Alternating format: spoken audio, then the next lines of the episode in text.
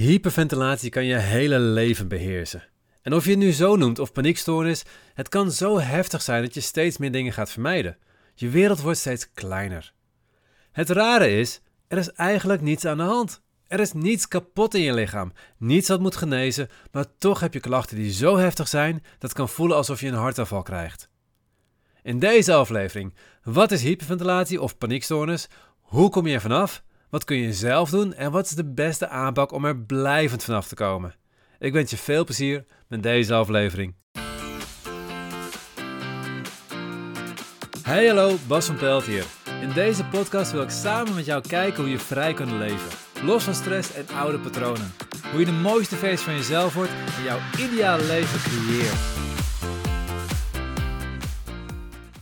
Wat is het? Hoe kom je eraan? En hoe kom je ervan af? Want dat is uiteindelijk het belangrijkste. Want als je hyperventilatie hebt, dan weet je hoeveel last je ervan kan hebben. Een hyperventilatie is heftig. als je een aanval krijgt, kan het voelen alsof je een hartaanval krijgt. Je kan druk op de borst krijgen, tintelingen in je armen. Je hebt het gevoel dat je duizig wordt, dat je helemaal, helemaal misselijk niet lekker wordt.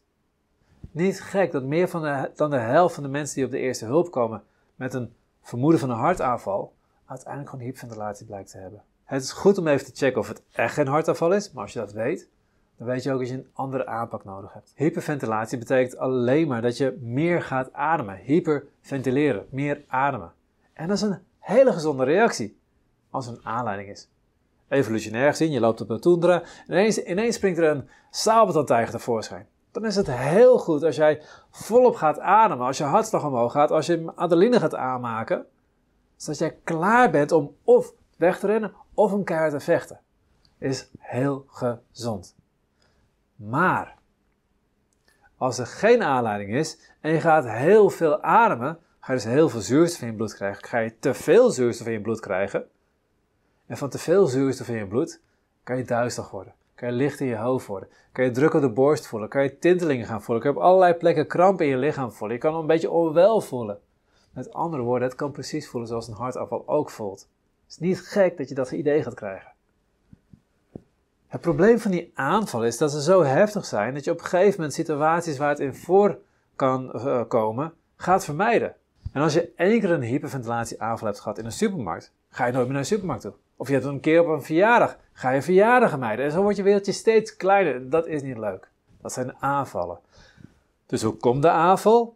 Jouw lichaam denkt, of jouw brein denkt op de een of andere reden, dat er een reden is om maximaal te gaan activeren. Je gaat heel snel ademen en vervolgens zit je middenin.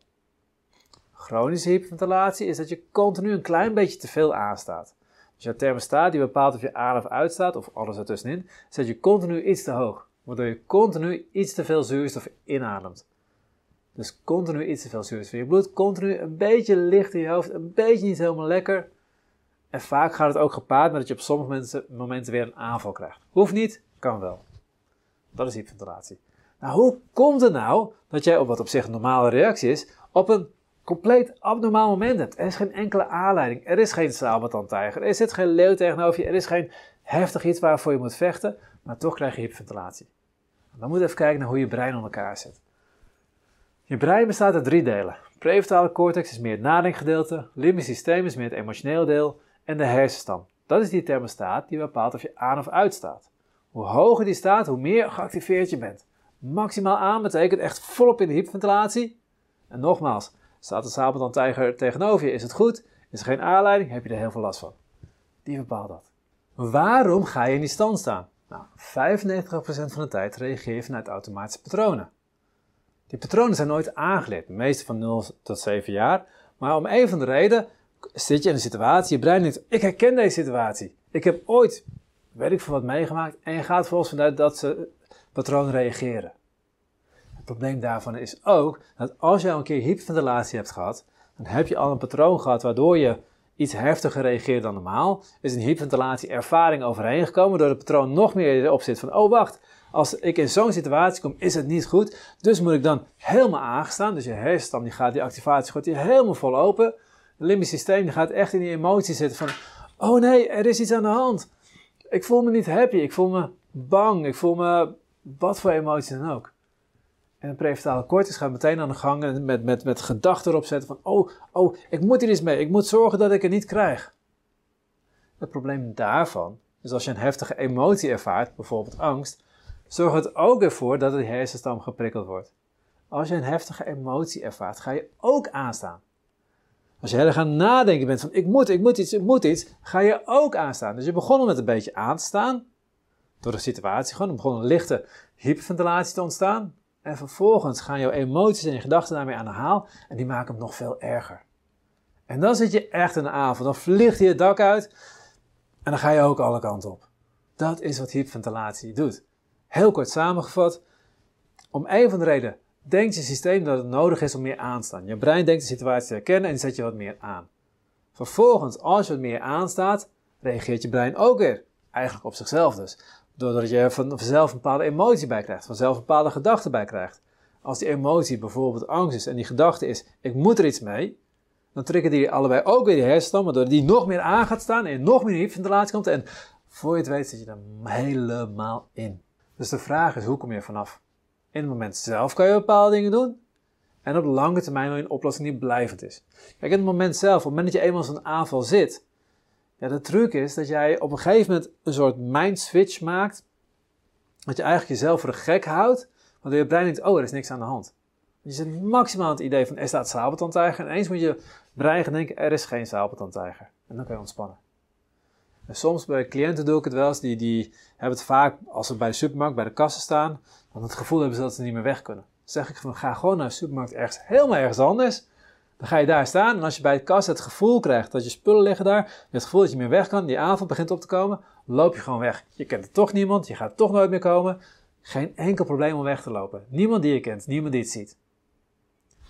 Ineens denken ze daaraan en die hyperventilatie aanval die komt op, maar die zakt ook meteen weer weg, want ze zijn veilig, ze kunnen gewoon weglopen. En door alleen maar dat te denken, kunnen ze het wel. Dat is het grappige. Die mindfuck die je van hyperventilatie inzet, je denkt dat er iets aan de hand is. En doordat dat een bepaalde emotie, een bepaalde manier van denken creëert, wordt het steeds erger. Die kan je ook omdraaien. Het is alleen moeilijk om dat voor elkaar te krijgen. Dus als dat nog niet lukt, en in het begin lukt het vaak ook niet, zijn er andere dingen die je kan doen. Gewoon puur die stress te verminderen. Heftig te gaan shaken, eventjes keihard te gaan rennen. Um, een ijskoude douche nemen. Een ijskoude douche zorgt ervoor dat je weer normaal gaat ademen. Zorgt er echt voor dat je... En je gaat weer normaal doen. Dat is een heftige prikkel aan het lichaam, waardoor het lichaam eventjes niet meer in die, in die loop vastzit, in, in, in die cirkel vastzit, maar echt eventjes daaruit getrokken wordt. Dat zijn manieren waarop je dat mee kan doen. Een nog mooiere manier om mee om te gaan op het moment dat je een aanval krijgt, is om het gewoon te laten gebeuren. Op het moment dat je voelt dat die aanval gaat komen, dus die hersenstam die gaat aan, dan gaan natuurlijk het limbisch systeem, het prefrontale cortex, het emotioneel deel en het nadenkgedeelte, die gaan reageren. Als je op dat moment kan zorgen dat die niet gaan reageren, geeft die ook geen terugkoppeling. Dus als jij voelt dat die aanval aankomt, die gaat gewoon lekker achterover hangen en denkt van oké, laat me komen. Ik voel dat ik een lichamelijke ervaring heb. Ik voel dat er geen aanleiding is voor die ervaring, dus ik hoef er niks van te vinden, ik hoef er niks van, van te voelen, ik hoef er niks mee te doen. Dan laat je hem komen.